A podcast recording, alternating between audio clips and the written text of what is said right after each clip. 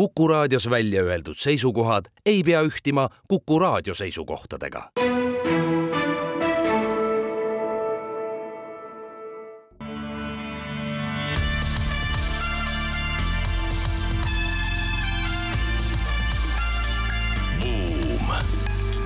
buumile annab hoogu SEB Pank tere päevast, on kaheksas november aasta kaks tuhat kakskümmend kolm, oleme taas eetris Buumi saatega, saatejuhid sedapuhku Ott Pärna ja Anto Liivat. uudisteploki avame teadaannetega sellest, et kunagi üks maailma kõige kõrgema turuväärtusega startup ettevõtteid WeWork äh, palub nüüd pankrotikaitset tänane saade on meil suures osas tehisaru teemaline ja sissejuhatuseks sellesse teemasse räägime sellisest asjast, et selleteemaliste plagiaatide tuvastamiseks on kasulik kasutada spetsialiseerunud tarkvarasid. vestleme selle üle, mida innovaatilised kasvuettevõtted oma konkurentidest teistmoodi teevad. ühe Harvard Business Review pikema loo taustal avame aspekte täiendõppes, nimelt siis ambitsioonikas kasv eeldab olulist ja murrangulist enam mitte täiendõpet, vaid töötajate ümberõpet. meie tänane saatekülaline on neuroturunduse spetsialist Tartu Ülikooli Delta Keskuse trendipäeva peakorraldaja Kristjan Pentus, kes aitab meil uudiseid kommenteerida ning kellega tehisaru teemadel mõtteid vahetame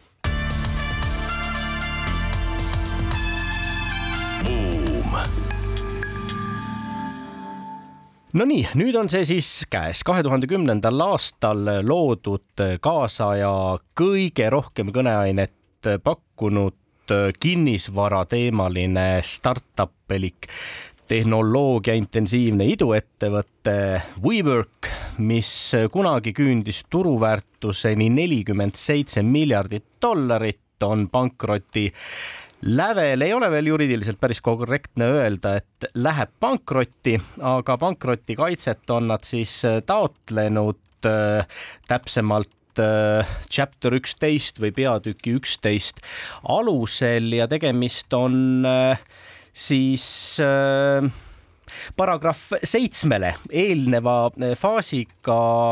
mis võimaldab neil veel oma äri opereerimist jätkata selleks, et tegevust reorganiseerida, laene refinantseerida, aga ajalugu Ameerika Ühendriigi riikides pankrotimenetluste koha pealt näitab seda, et ainult eh, circa kümme protsenti nendest ettevõttest, kes on siis peatükk üheteistkümne alusel pankrotikaitset saanud, äh, suudab oma ettevõtte päästa ja, ja hoiduda lõplikult pankrotti minemisest jah, mis selle firma suur mure oli see, et noh, Covid tuli peale, suur rendibusiness on ju, et ühelt poolt hakkasid väikeettevõtted ennekõike rendipindasid üles ütlema ja teiselt poolt olid sõlmitud kallid rendilepingud, milledest taganeda ei saadud ja nüüd osa sellest pankrotimenetlusest ongi tegelikult see, et osad lepingud kaelast ära saada ja, ja teine osa lepingutest saada ringi rääkida. no laene on ja, ja kohustusi üleval kõvasti enam kui kolmeteist miljardi jagu ja tõepoolest mindi ambitsioonikalt peale, võeti võeti pikaajalisele rendile väga magusates kohtades, keskustes kallid rendipinnad. Ja siis eh, jah, plaanite neid eh, paljudele väiksematele rentnikele edasi üürida, aga kuidas siis, Kristjan, sulle tundub, et kas lõpuks oli ainult ilus müügijutt, hästi pakendatud, Äh, investorite lollitamine, mingisugune lumepalliefekt, mis siis äh, WeWorki ja teiste ankurinvestoritega kaasa tuli, sest noh, nii suured äh, investorid ei saa ju ometigi eksida või oli seal siis tegelikult ikka mingi väärtuslik tehnoloogia komponent ka juures? no ma arvan, et tegelikult see on hea näide sellest, et see on natukene laiem protsess ja Covid tegi tööturu ümber ja ma arvan, et äh, eks siin on, inimesed jaotavad kahte lehte, et ühed ütlevad, et kõik läheb vana juurde tagasi ja ühed ütlevad, et nüüd ongi kõik. ja noh, inimesed võivad teha testi, et minge küsige ükskõik milliselt ettevõttelt, küsige, kas inimesed on kõik kontoris tagasi ja teevad lõbusalt tööd kontoris. ma arvan, et kõik ettevõtted ütlevad, et neil on probleemid. ja, ja ma just alles äh,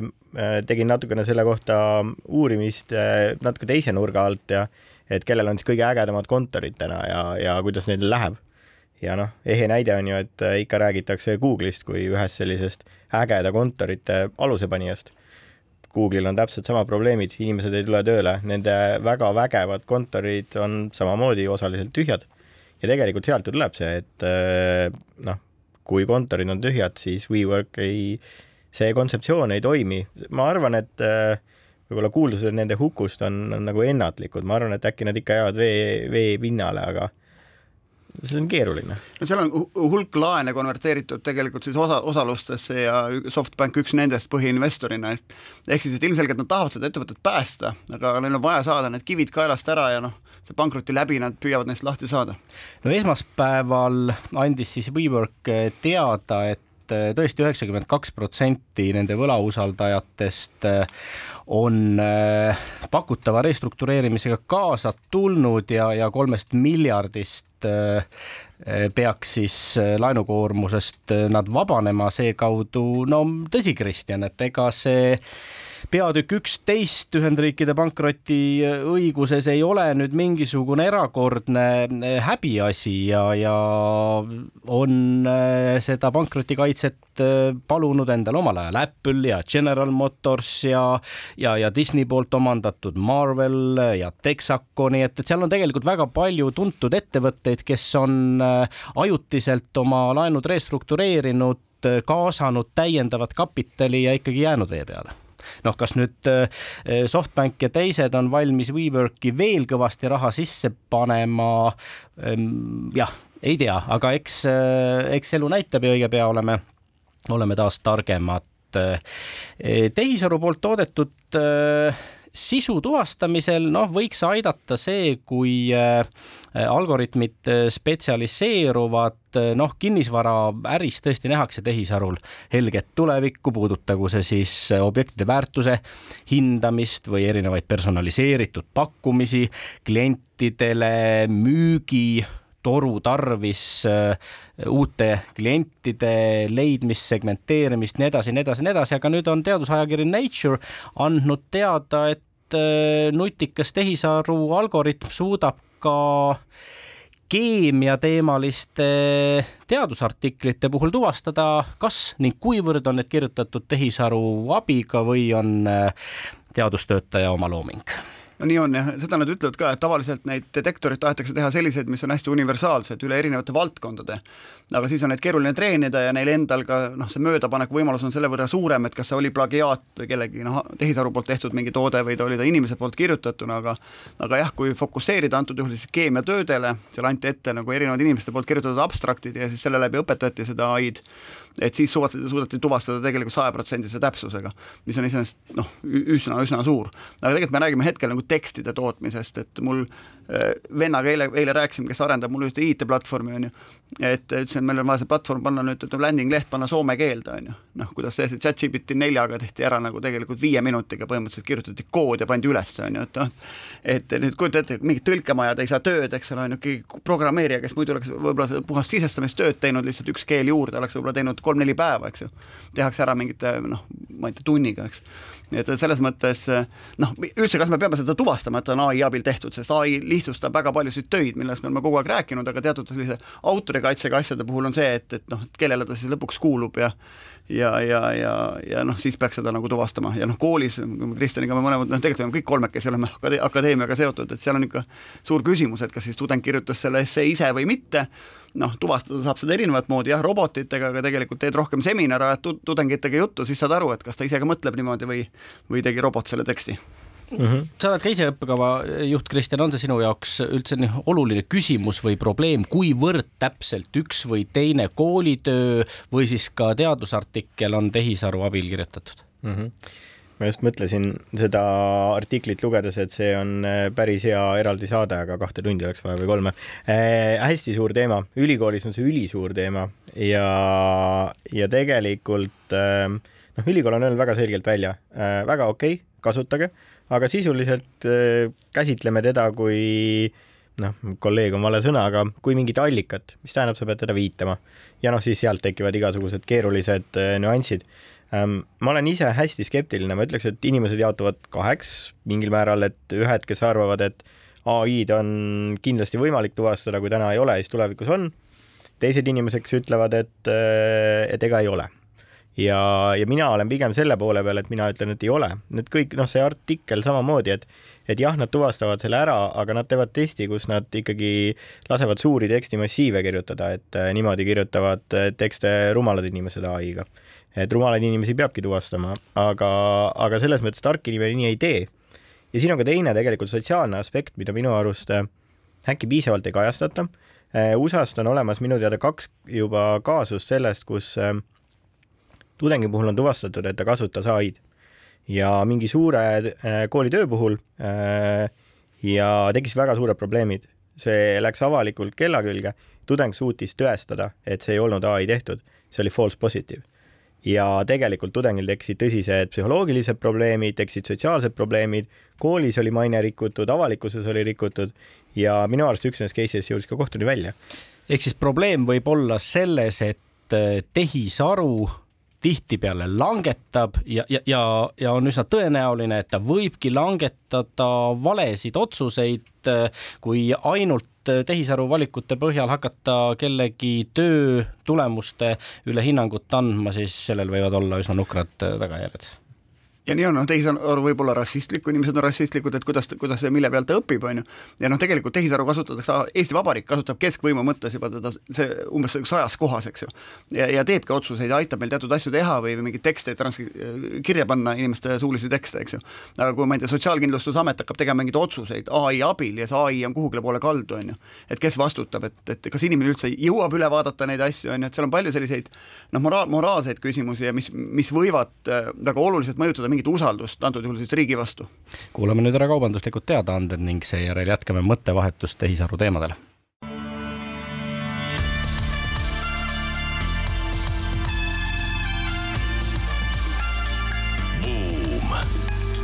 buumile annab hoogu SEB Pank oleme tagasi Buumi eetris, saatejuhid Ott Pärna ja Anto Liivat ning meie tänaseks saatekülaliseks on Tartu Ülikooli Delta Keskuse trendipäeva peakorraldaja Kristjan Pentus äh, ning läbivaks teemaks äh, tehisaru. möönsime eelmise ploki lõpus, et äh, tehisaru poolt tehtavad valed otsused võivad teinekord äh, ühe või teise inimese elu sootuks tuksi keerata ning meie saate head toetaja SEB Pank on andnud oma suurettevõtete uuringu tulemuste põhjal äh, teada, et äh, circa viiendik Eesti ettevõtetest peab hetkel tehisaru konkurentsieeliseks, aga samal ajal lausa seitsekümmend viis protsenti vastajatest peab tehisaruga kaasnevaks kõige suuremaks riskiks valesid otsuseid. meie õnnitleme SEB panga kommunikatsioonijuhti Katri Kärnerit, kes valiti Eesti käesoleva aasta parimaks kommunikatsioonijuhiks ning mööname, et turunduses, kommunikatsioonis, ärijuhtimises tehisaru järjest rohkem kasutatakse ja rakendatakse ning innovaatilised kasvuettevõtted teevad seda teistest paremini ja mõnevõrra teistmoodi. nimelt on siis McKinsey avaldanud oma mahuka uuringu tulemused kuuesaja viiekümne suure börsil noteeritud ettevõtte puhul ja, ja selgus siis, et sellest kuuesaja viiekümnest ainult viiskümmend kolm olid sellised äh, ettevõtted, kes suutsid ühtaegu paista silma nii kasumliku kasvu kui ka kõrge innovaatilisuse poolest no ütleme, noh, innovatsiooniteooria ei ole kõige, kõige nagu uuem asi, aga selge on see, et mida rohkem sa uusi või oluliselt parendatud tooteid, teenuseid, protsesse turule viid või oma oma ettevõtet kohandad nende kohaselt, seda edukam sa oled, see, loogika on olemas. no siin nad rõhutasid veel selle üle, rõhutasid seda, et, et see teema peaks olema nagu strateegiliseks tõstetud, et me tahame igas tegevusvaldkonnas, ma ei tea, finantsides, igal pool mujal ka, kui võib-olla müügis ja tootearenduses, siis seda uutmist sisse tuua, noh nüüd me oleme rääkinud siin sellest, et kontorid jäävad tühjaks, on ju, et, et kuidas üldse tiimi juhid või korraldad seda poolvirtuaalset seltskonda, on ju. Noh, kes arendavad siin suuri kinnisvaraplatse, on ju, teavad, et väga hästi, et, et ütleme sellist kabinetipõhist ruumi on vähem, koostööruumi on rohkem, eks, kontormajad muutuvad garaažideks, on ju, et kaubanduskeskused muutuvad nagu näidiste ruumideks, kus tegelikult müüki või valikut tehakse online'is ja siis tullakse proovima kuhugile keskusesse, on ju, et et me näeme, et tegelikult see muutuv keskkond nõuab innovatsiooni nagu igalt tasandilt ja võib-olla ka mitte ainult innovatsiooni, vaid tegelikult õigel ajal tehtud otsuseid kui me vaatame Covidi ajal hotellid ennast renoveerisid, eks, hotellid olid kinni, inimesed ei saanud majutada, tegelikult intressid olid veel madalad ja inimesed renoveerisid oma hotellid ära, eks. noh, teed seda täna, oled omaga maha maganud, on ju, et. et minu arust kaks olulist järeldusest sellest uuringust. esiteks, innovatsioon ei juhtu, vaid ta kipub sündima nendes ettevõtetes, kus on teadlikult konstrueeritud protsessid innovaatiliste asjade esilekutsumiseks ja, ja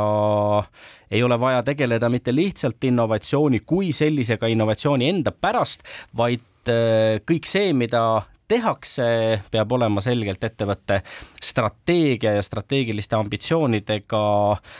seotud eh, ja ma arvan, et teine oluline tõdemus on see, et eh, eks seda organisatsiooni kultuuri tuleb ka niimoodi kujundada ja disainida, et ta toetaks innovaatiliste ideede elluviimist.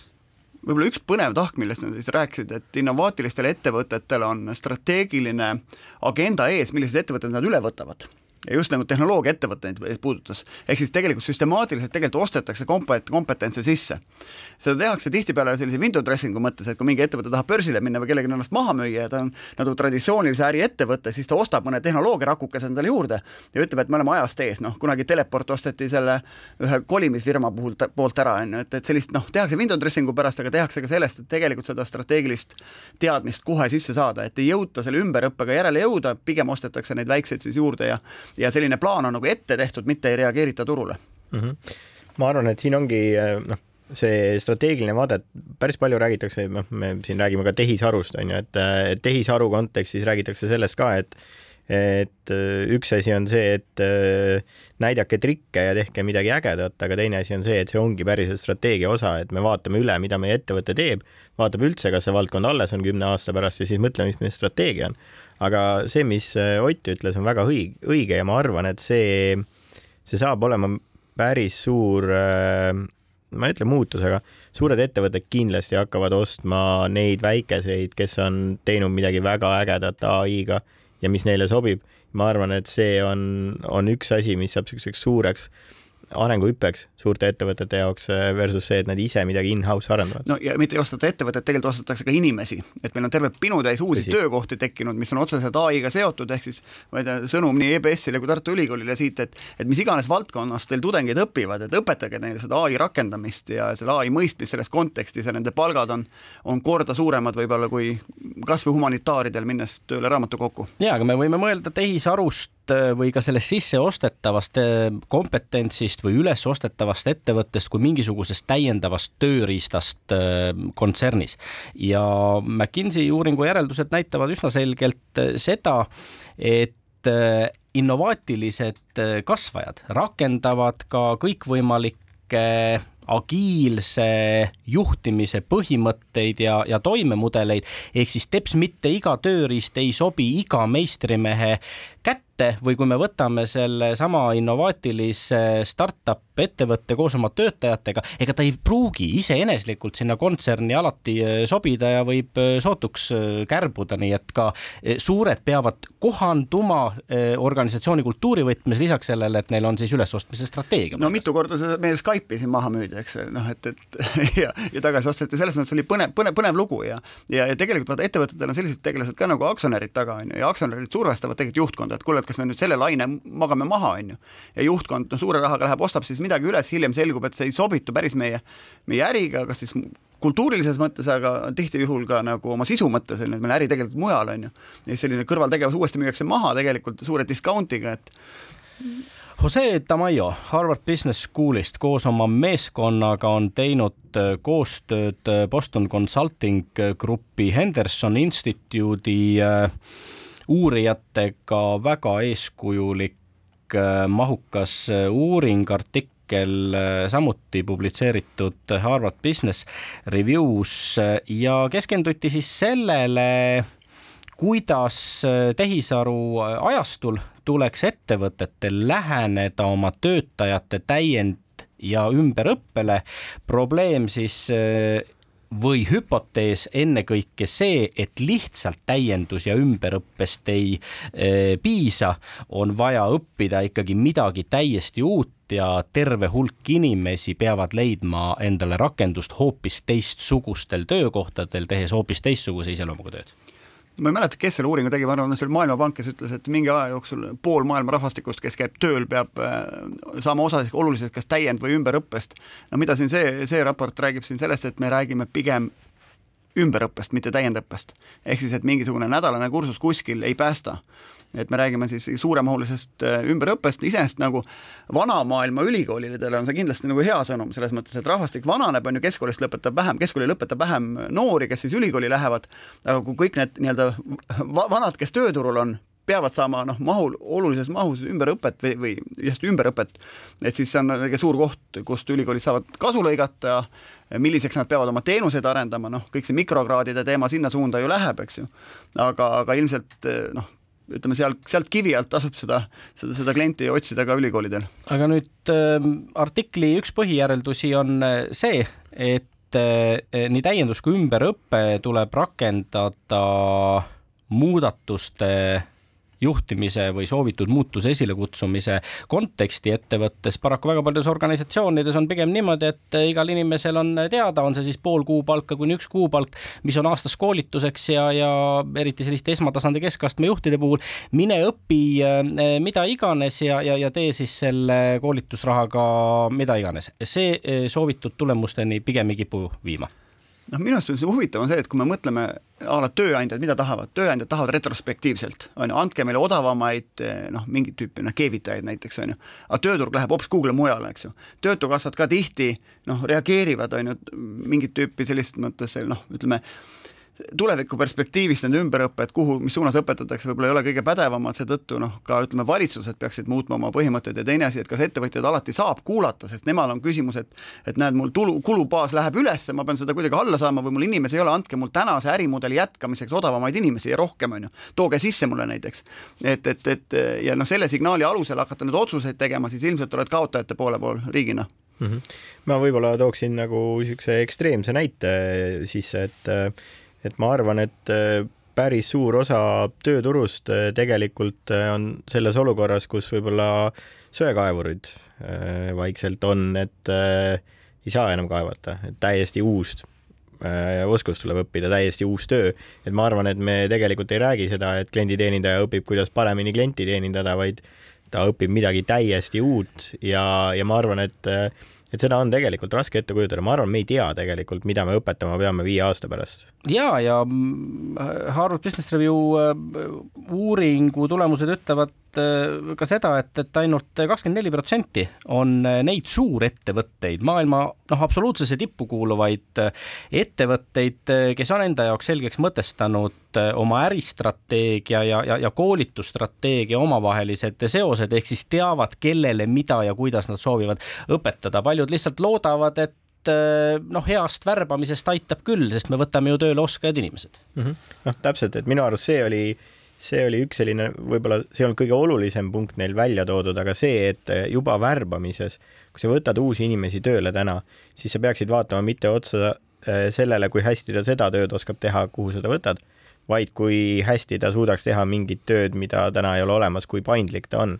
et äh, ja ma arvan, et seda on täna tegelikult värbamises vähe ja peaks olema rohkem. no sedasama asja rõhutavad nii Schumpeter kui Darwin, on ju, et Darwin ütleb seda, et mitte suured ei söö väiksed, vaid kiired söövad aeglasi, eks, ja Schumpeter räägib sellest creative destruction'ist või loovast purustamisest, et need, kes jäävad ajale jalgu, need ettevõtted lähevadki kinni. ja enamus ettevõtted ka tegelikult lähevad kinni, nad ongi noh, alguse ja lõpuga ja vähe ettevõtted on need, mis mitu põlve edasi lähevad ja need ongi just nimelt need innovatiivsed, aga need, kes ei ole innovatiivsed, ega see on ka okei okay., siis tegelikult ju tööjõud vabaneb, on ju, noh, ühesõnaga ressurss vabaneb tegelikult uuteks innovatiivseteks ettevõteteks. ja kui me oleme näinud, et äh, üha rohkem kaubandust äh, kolib internetiavarustesse ja netipoodidesse, siis Indiana ülikooli teadurid annavad oma uurimistulemuste põhjal meile teada, et äh, kauplustes ostlejad on võrreldes nendega, kes sooritavad ostu veebikaupluses, valmis kaubatarnet kauem ootama ja niisiis nad soovitavadki ennekõike neile kaupmeestele, kes on tarnimisega hädas ja maadlevad pikka pikkade tarneaegadega ikkagi pidada nii-öelda vanakooli poodi, kutsuda inimesed poodi või siis äh, showroom'i, väljapaneku ruumi ja pärast seda, kui inimesed on äh, midagi saanud ise katsuda, mudida, lähedalt näha, ootavad nad oma kaupa juba palju rahul olevamalt ja rahumeelsemalt. no ma olen seda proovinud, et tegelikult on sul ükstaskõik, kui kiiresti see suusakott sul kohale tuleb, on ju, kas ta tuleb nagu kahe päevaga või nädalaga, kui sa just reisile ei lähe, aga lihtsalt online poes sa vaatad, ahah, ma tahaks kohe kätte saada, kui sa lähed kauplusse, vaatad, see mulle sobib, tooge ta ära, ma sõidan järgmine kord mööda, võtan peale. aga Kristjan, kuidas ülikoolis on, et ülikoolid on ka nagu vana aja kaubanduskeskused, on ju. et ütleme, tudengite õpikogemus kuskil online keskustes ja versus siis noh, nii-öelda need kaubakeskused või need vanad ülikoolimajad. kas rollid on muutunud? no ikka on muutunud jah, et, et selles suhtes ikkagi üliõpilane tahaks saada parima asja kätte, tegelikult selles mõttes on hea näide, üliõpilane tahab parima asja kätte saada kiiremini ja, ja online on hea näide ka, et äh, päris paljud ikkagi tahavad online haridust, kuigi ähm, see on niisugune huvitav teema, et äh, noh, me, siin ma hüppan kahe teema vahel, mis meil ka enne oli, et äh, kaugtöö. Et noh, tegelikult kaugtöös ka ju räägitakse sellest, et on mingi kildkond inimesi, kes ei tahagi kunagi enam kontorisse minna ja mõni, kes nagu ei suudakski ilma kontorita elada. et ma arvan, samamoodi on tudengitega ka, et, et ma tegelikult tean ikkagi päris paljusid, kes just väga-väga tahavad minna äh, ülikooli kohale, see kontakt, see sotsiaalne keskkond, pluss, et see on niisugune vaimne retriit ka tegelikult igapäevaelust kuulame nüüd taas ära kaubanduslikud teadaanded ning seejärel jätkame tehisaru arengute teemadel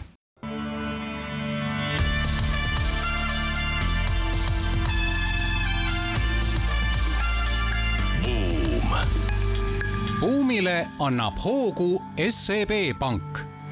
oleme tagasi Buumi eetris, saatejuhid Ott Pärna ja Anto Liivat ning meie tänaseks saatekülaliseks on Tartu Ülikooli Delta keskuse trendipäeva peakorraldaja Kristjan Pentus.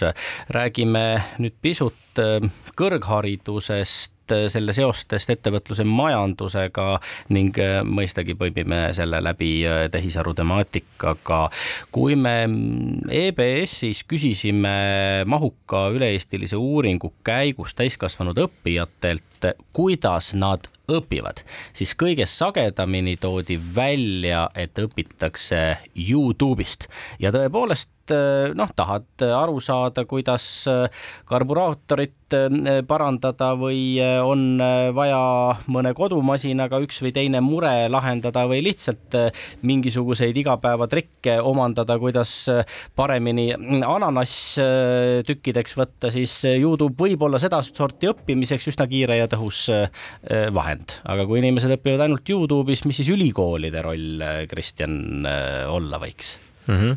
võib-olla tegelikult eh, mõtleks selle küsimusele kõigepealt nii-öelda selle küsimuse kontekstis ja siis räägiks, kuidas ülikool sellega kohandub, et noh, ühelt poolt on kindlasti see ähm,, tudengid äh, muidugi tahavad Youtube'ist õppida, aga kõige rohkem tahaks tudengid, et sa talle lingid saadaksid, siis ta vaataks neid Youtube'i videoid. ehk siis kindlasti ülikool on ja jääb selleks nii-öelda andmefiltriks, et ta tuvastab need kõige kvaliteetsemad teaduslikud allikad ja kohad, kust oma info saada. et see on alati ülikooli roll olnud, see on ajalooliselt ülikooli roll ja, ja selleks see kindlasti jääb Äh, muidugi ma tahaks, et äh, viie aasta pärast äh, tehke sama uuring ja siis kõik võiks vastata, et nad saavad kõik oma teadmised chat-GPT-lt ja teistelt ai agentidelt. Mm, noh, ülikool täna sellega kohanemiseks tegelikult teeb ümber oma siis mitte, mitte õppekavad, mida tehakse kogu aeg, aga teeb ümber see, selle, kuidas inimene üldse oma hariduse saab ehk siis minule meeldib täna mõelda hariduselt nii, et on ühed sihuke, sihuke väikene hulk inimesi, kellel on täna võimalik tulla õppima ütleme siis pikemaks ajaks, näiteks kaheks aastaks magistrisse, selles mõttes bakalaureuse nii-öelda põhikool on kõigil niikuinii läbitud ja, ja teevadki kaks aastat magistris, kõik on tore.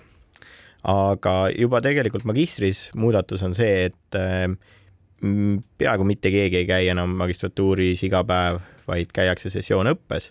mis tähendab siis seda, et kohal käiakse kaks korda kuus, kolm päeva, peamiselt nädalavahetusel, enamus inimesed on äh, täiskohaga tööl ja, ja see ongi äh, nii-öelda hariduse üks tulevik. aga minule meeldib mõelda veel ühest teisest versioonist. et täna on äh, ja, ja noh, ma ei räägi siin ainult Tartu Ülikoolist, see on tegelikult kõikide ülikoolide suund täna, et ülikoolidel on mikrokraadid, mis siis on sellised väiksed pisikesed õpiampsud, mis on natukene suuremad kui selline pisikene koolitus. tavaliselt me räägime sellisest kümme-viisteist EAP-d ähm,. suhteliselt paindlikud, nad ei võta palju sult aega, sa saad nad teha kiiresti, selles mõttes kiiresti, et näiteks äh, sügisega, kevadega äh, või siis äh, vähe pikemalt ja kui sa oled ühe mikrokraadi ära teinud, äkki sulle meeldis, teed teise veel, teed kolmanda veel, kui sul kolm tükki on olemas, siis on vaja väike töö veel lõppu kirjutada ja ops, sul on üheaastane magistrikraad olemas. ja, ja see on siis teine viis, et osad inimesed teevadki mikrokraadide kaupa, võib-olla see nende õpe ulatub üle mitme aasta ja lõpuks saavad magistrikraadi. ja, ja teine variant on siis see, et äh, teha üheaastane magistrikraad, mis siis tähendab seda, et sa siis tõesti äh, circa aasta kuni poolteist õpid, sõltuvalt kui kiiresti lõputöö kirjutad ja saad samamoodi tehtud. mis nüüd on suur taustamuudatus, mida ma ei maini, sest see on nii-öelda tehnilised nüansid, on see, et et kaheaastane õppekava on meil tasuta haridus, aga mikrokraadid ja üheaastased on tasulised, mis äh, tegelikult äh, kõikidele ülikoolidele ei ole teps mitte nagu väga halb. et äh, ülikoolid saavad sellega pakkuda palju kvaliteetsemat haridust veel, sest see tegelikult finantseerib häid lektoreid võib-olla seda Youtube'ist õppimist veel rõhutada, et noh, me ütleme Tartu Ülikoolis vahel viskame nalja, et kui sa tahad nagu maailma parandada, tule Tartu Ülikooli, on ju, kui sa tahad kutset omandada, siis on teisi koole ka olemas, eks ju. et, et, et see filosoofiline laiem mõtlemine, et aru saada üldse noh, kuidas erinevad asjad kokku, kokku sobituvad, see on see, mida akadeemia ikka suudab anda ja mida nagu lihtsalt oskuse mõttes ei, ei ole võimalik omandada. ja see on tore, et need oskuse õpp-, need väiksed õpsi, õpiampse saad ka sealt Youtube'ist võtta, aga nad on ikkagi sellise noh, konkreetsed tegevuse noh, et kui mingi, kuidas mingi asi ära parandada, siis sa vaatad selle, võtad lahti ja sa saad selle ära parandada, aga ta on selline hästi oskustöö küsimus, eks ju. et, et aga kõik see laiem on ikkagi see, et see eeldab nagu noh, kuidagi laiemat ettevalmistust ja teine asi see, et tõesti, et oskus ähm, õigest kohast otsida, noh, chat-GPT käest oskus küsida õiget küsimust või, või kasutada teda vestluspartnerina, mitte niimoodi, et kirjutada tekst valmis et kui sa kasutad neid tööriistu õigesti, enamus inimesi ei oska guugeldada muuseas, on ju. et, et eh, Eestis on viissada tuhat inimest, kes on Facebookis, Facebookis oskavad turundada võib-olla paarkümmend inimest Eestis.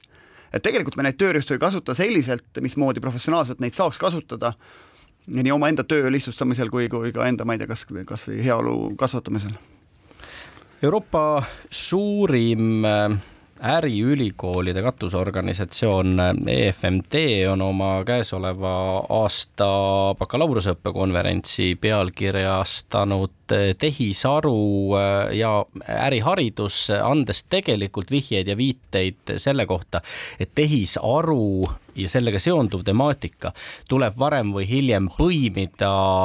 kõigisse õppekavadesse, aga, aga tõenäoliselt sealt edasi ka kõigisse õppeainetesse. kuidas te seda olete näiteks neuroturunduse puhul äh, teinud? selles suhtes me, me peame vaatama otsa olukorrale, et kui me räägime, et siin töökohad äh, muutuvad ja, ja keskkond muutub tänu ai-le, siis äh, haridus peab märkimisväärselt muutuma. et kui me vaatame ringi täiendõppekoolitusturul, siis ai on ülitugevalt sisse tulnud ja kõik head koolitajad teevad täna ai koolitusi, onju äh, kõik head ülikoolid täna Eestis teevad kas mingisugust õppeainet või siis juba mingit väikest õppekava tükikest, näiteks mikrokraadi või üheaastast õppekava. et see on väga tugevalt sisse tulnud ja noh, neuroturundus kui selline teema, mida me samamoodi Tartu Ülikoolis õpetame, tegelikult veel eraldi, eraldi nüanss ai-st, et, et see on samamoodi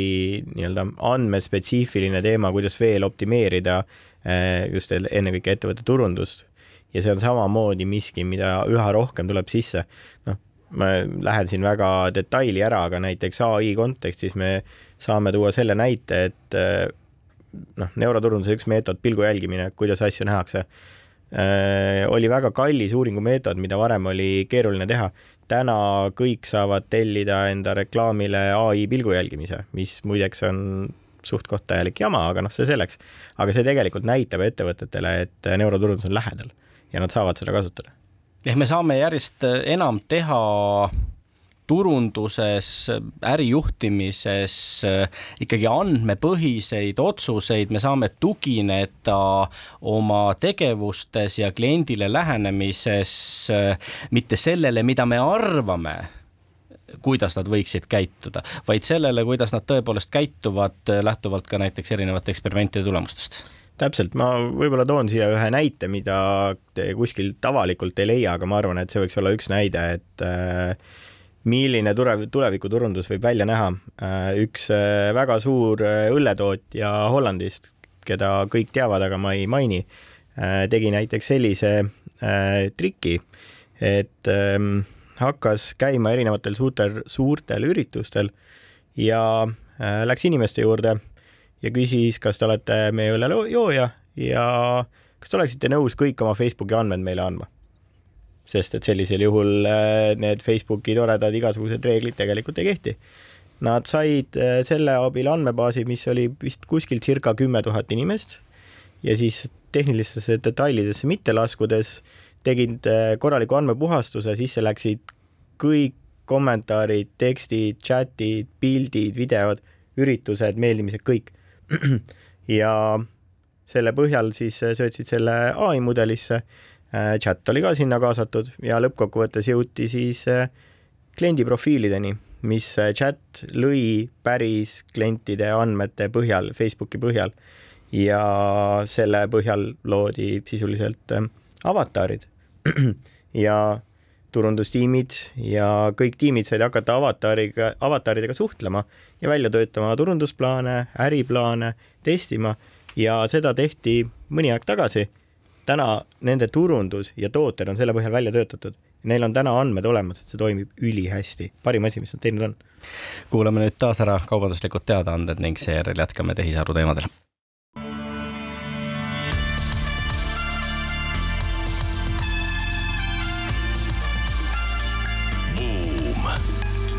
buumile annab hoogu SEB Pank oleme tagasi Buumi eetris, saatejuhid Ott Pärna ja Anto Liivat ning tänaseks saatekülaliseks on Kristjan Pentus, kes on Tartu Ülikooli Delta Keskuse trendipäeva peakorraldaja. trendipäev käesoleval aastal keskendub tehisarule, tehisarust on võimalik rääkida ühe, teise, kolmanda ja tõenäoliselt ka kahekümne viienda nurga alt. kuidas te trendipäevale püüate kuulajaid ja jälgijaid äh, saata ja, ja milliseid äh, põnevaid trikke ja nippe trendipäevalt äh, õppida saab mm? -hmm. see on äge küsimus, sellepärast et minu käest on päris mitu head sõpra ja kolleegi küsinud, noh, umbes täpselt sama nurga alt, et mingeid uid äge, uusi ägedaid asju, mida ma saan teha ja kuidas ägedamaid pilte teha ja mida iganes, onju. et minu arust meil on väga häid konverentse, koolitusi olnud mida on teinud teised või Tartu Ülikool. ja see ei ole täna meil üldse eesmärk, et äh, eesmärk on näidata seda laiemat pilti ja näidata samas äh, nagu äh, sisuliselt konkreetselt erinevate nurkade alt, panin selle nurkade sõna mulle nüüd praegult suhu, et erinevate nurkade alt, kuidas ähm, ai mõjutab erinevaid ühiskonnatahke. et see on olnud selline nii-öelda käsitlus, mida ei ole väga palju vaadatud, sest et noh, muidugi on ägedam müüa seda, et eh, kuidas sa saad teha oma turundusplaani kümne minutiga ja uue raamatu kirjutada ühe päevaga, onju. aga me pigem tahaks rääkida ja räägime seal just sellest, et eh, kuidas ühiskond muutub, kuidas eh, riigid muutuvad, kuidas, samas ka, kuidas ettevõtted seda kasutavad no ütleme asja konkreetselt rääkides, et Delta trendipäev toimub siis järgmisel esmaspäeval. Kuku raadio Facebooki me panime ka üles selle event'i, minge sinna, see online event ehk siis kõigile tasuta üle veebi kättesaadav, nagu ülikoolis teeme, et ikkagi rahvatarkus rahva harimine, et tõesti kasutage oma meeskondadega see võimalus, seda võimalust ja otsige Buumi saate leht üles Facebookis ja minge registreerige event'ile. aga mõte on jah, see, see tehisaru teema panna nagu laiemasse konteksti. noh, me räägime hästi palju chat-GPT kontekstis ja mingi tekstiloome kontekstist ja nii edasi, aga seal on palju teisi perspektiive, üks on noh, jah, kuhu, kus kõik seda saab ärilises plaanis kasutada ja meil on noh, LHV Pank tuleb, räägib oma lugu, kuidas nad chat-GPT-d tahavad kasutada, Bolti andmeanalüütik käib, tuleb, räägib, Telia Äh, uuringute poole juht räägib, eks. siis on selle tehisaruga seotud väga suured eksistentsiaalsed riskid. Jaan Tallinn, endine kunagine Skype'i insener, üks äh, aktiivsemaid Eesti investoreid ja, ja üks inimene, kes maailmas vist kõige rohkem muretseb selle üle, et maailm saab hukka, kui me tehisarule päitseid pähe ei saa, ei saa, ta ütleb, et, et noh, hetkel on perspektiiv umbes kaks aastat, et kui selle jooksul ei saa, on, on asjad hapud, eks. et, et te näete, et erinevad perspektiivid, mis me sisse toome ja need vaated on nii eestlaste poolt Kanada esinejaid, meil on ai Singapuri strateegiajuht rääkimas, et tõesti, me oleme püüdnud seda teemat nagu hästi-hästi laiaks tõmmata, et tõesti noh, me saaks aru, et kuidas ta tegelikult meie elu mõjutama hakkab no,. mis sa arvad, kas Jaani käest peaks küsima, et mis see päästepakett on, mis kodus olemas peaks olema, kui ai üle võtab, et nojah, et kui kaks sekundit maakera peal ei ole õhku, siis on asi hapu juba, eks. aga mida sina, Kristjan, seoses tehisaruga pelgad, kardad, kus kohas äh, me võime nii-öelda vindi üle keerata? mina olen see siis early adapter ja, ja selles suhtes mina ütlen ausalt, et äh, võib-olla naiivselt ei karda et noh, ma alati, kui minu käest küsitakse küsimust, et kas sa kardad, on ju, et siis äh, ma ei mäleta, äkki ei olegi viisakas tuua seda näidet, aga, aga on üks, äh, on üks ai bot, mis on ju jooksnud nüüd juba kas pool aastat, mille, äh, millele on antud ainult üks ülesanne ja ta ülesandeks on maailma ära hävitada ja siis ta lükati laivi. siis ta on üritanud seda, tal on oma Twitter minu teada ta üritab nagu saada ja siis ta selgitab, kuidas ta teeks seda, et, et nagu tuumapommi koodidele ligi saada ja, ja võib-olla internet kuidagi teistmoodi tööle panna, et noh, see ongi naljaga tööle pandud, aga, aga iseenesest ta, ta eksisteerib ja töötab. et ähm, mina ei karda ja noh, ja, ja samas mulle meeldib ka see mõte, et ähm, äh, see, see džinn on pudelist välja lastud, see, see on seal, kõik tegelevad sellega, et äh, täna, kui ükskõik milline no ütleme, kogu lääs otsustab täna, et äh, tõmbame ai-le pidurit, ärme tee seda siis äh, kas, miks me arvame, et teised tõmbavad pidurit ja, ja kuhu me satume? ja see on üks suur oht, millest räägitaksegi, et, et kui siin noh, kuus-seitsekümmend aastat on tegeletud sellega, et, et tuumapomm ja plutoonium ja muud sellised asjad ei satuks kurjade kätte ja riikide kätte, on ju, siis ai lähte, läht-, lähtealused on lahtised, eks ole, Meta on üks, kes seda propageerib, et nad oleksid lahtised ja, ja tegelevad suured seltskonnad Põhja-Koreas, Iraanis, Venemaal sellega, et, et, et nuputada välja kui mitte maailma hävitada, kuidas siis oma konkurente hävitada. või siis seda nii-öelda meiepoolset nagu seda nagu mõistlikumat osa maailmast, et et selles mõttes ta on selles mõttes noh, et ütleme, memme-musi on kellegi käes, me ei tea, mida ta sellega kõike saab teha ja ta teeb. et ta on palju-palju abstraktsem kui konkreetne asi, et kas siis kuskil see tuumaraketid on võib-olla aga üks äh, perspektiiv, mis trendipäeval äh, lahkamisele tuleb, äh, puudutab siis tõesti seda, kuidas erinevad valitsused on tehisarule, selle rakendustele lähenenud ja, ja siin on väga-väga erinevaid praktikaid, on neid, kes püüavad reguleerida, pidurdada, noh, ka Euroopa Liit on pigem võtnud ikkagi sellise ettevaatliku hoiaku, nagu sa viitasid siis äh, on riike, kes äh, lubavad enam-vähem valimatult kõikvõimalikke tehnoloogiaid äh, rakendada, noh, siin ka Hiinale viidates, kuidas siis oleks mõistlik, on see jälle mingisugune kesktee või, või millest ikkagi valitsuste rolli puhul kõige rohkem praegu räägitakse, Kristjan? mm. -hmm. No ma olen sellises heas seisukohas, et ma saan vastuseks öelda, et äh, esmaspäeval kuulake, on ju, sest et ega ma ei tea, mis sealt vastuseks koorub äh,. ma arvan, et see on üks ägedamaid äh, juriidilisi probleeme, millega Euroopa Liit ja riigid on maadelnud sellepärast, et sellele tõesti ei ole vastust ja sellel ei olegi ühest vastust. sest et nii, kui tõmmata liiga suured piirid peale, siis tegelikult esiteks me saame rääkida klassikalistest kaotame konkurentsieelised kaotame teistele riikidele, teenused kaotavad ja teisalt on see, et kindlasti on see, kui me jätame liiga vabaks, siis meil tekivad ka probleemid, kuigi ähm, ma toon sellise utopistliku näite, et ähm, meil on siin räägitud, et oh, et äh, need äh, kas deepfake'il on eestikeelset vastajat, ei ole vist. süvavõltsing. süvavõltsing jah, et ühesõnaga deepfake'id äh, on, on äh, üks suurimaid riske ja, ja valeinfo, eks ole. minu arust on üks suurimaid võimalusi, mulle väga meeldiks, kui kõik info, mis oleks inforuumis, oleks tõenäoliselt deepfake mõelge, kuidas inimene peaks mõtlema, et kõik ongi deepfake, siis ta peab oma peaga mõtlema. Jah, ütleme üks, üks tahk, mille üle riigid pead murravad ja tegelikult mitte ainult riigid, vaid riikide ülesed organisatsioonid, ÜRO, OSCD, Euroopa Komisjon on ju, on see, et kuidas ähm, ütleme, kuidas, kuidas neid kahjusid minimeerida ja kuidas käituda olukorras, kus sul näiteks äh, autentne Kaja Kallase video ja pildiga üleskutse saadetakse üle vabariigi, et saatke oma pangakonto koodid kellelegi ja see läheb korraga välja, on ju. et, et mismoodi siis noh, ma räägin, politsei saab esmaspäeva hommikul läheb tööle, on ju, ja, ja juba on jama käes, on ju. et ehk siis, et, et ta annab nagu noh, sellised magnit-, amplituudi võrra suurema võimaluse jamasid korda saata. üksikisikut või riike selles osas nagu kaitsta, noh, siin on ju näiteid, kuidas on, kas siis inimese identiteet on ära varastatud sellega või, või lastele on pandud külge mingisuguse täiskasvanute video nagu ülejäänud kehaosad ja siis saadetud kuhugile nagu noh, koolikiusu tähenduses laiali ja, ja mis siis saama hakkab, on ju. ehk siis väga palju paha saab ka selle asjaga teha ja nüüd riigid ja tegelikult see Euroopa Komisjon, kusjuures juht, juht, juhtides seda, üritab seda asja sarnaselt ära lahendada nagu, nagu selle GDPR-iga, andmekaitse teemat. no üks pool on nüüd see, et paha teevad pahalased, kes taotlevadki paha ja, ja teadlikult püüavad halbu tagajärgi äh, esile kutsuda, niinimetatud kurjamid, aga teiselt poolt äh, võib ju olla ka nii, et ettevõte oma tavapärase kasumi jahu, jahi käigus äh, arendab mingisugust tehnoloogiat, rakendab miskisuguseid võtteid, äh, millel on pikemaajaline kumulatiivne efekt ja, ja selle tulemusena sünnivad mingisugused negatiivsed sotsiaalmajanduslikud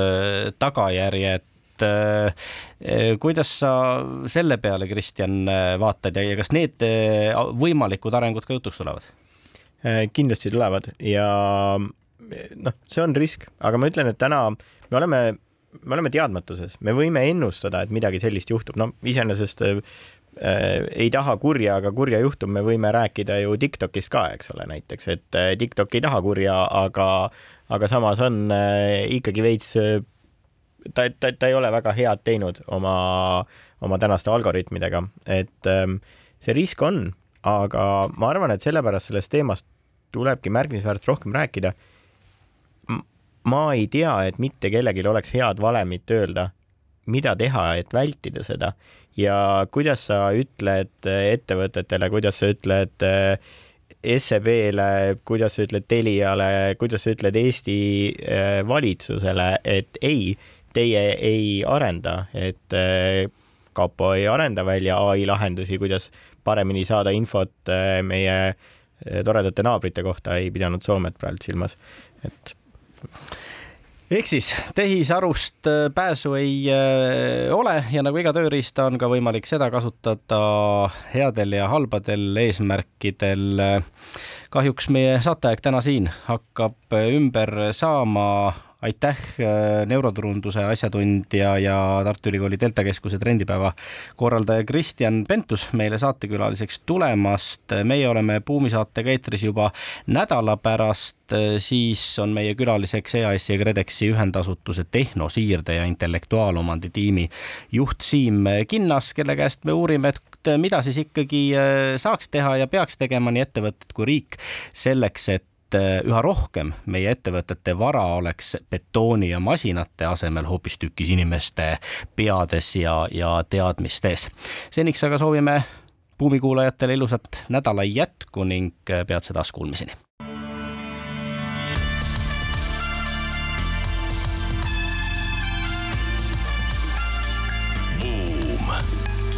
buumile annab hoogu SEB Pank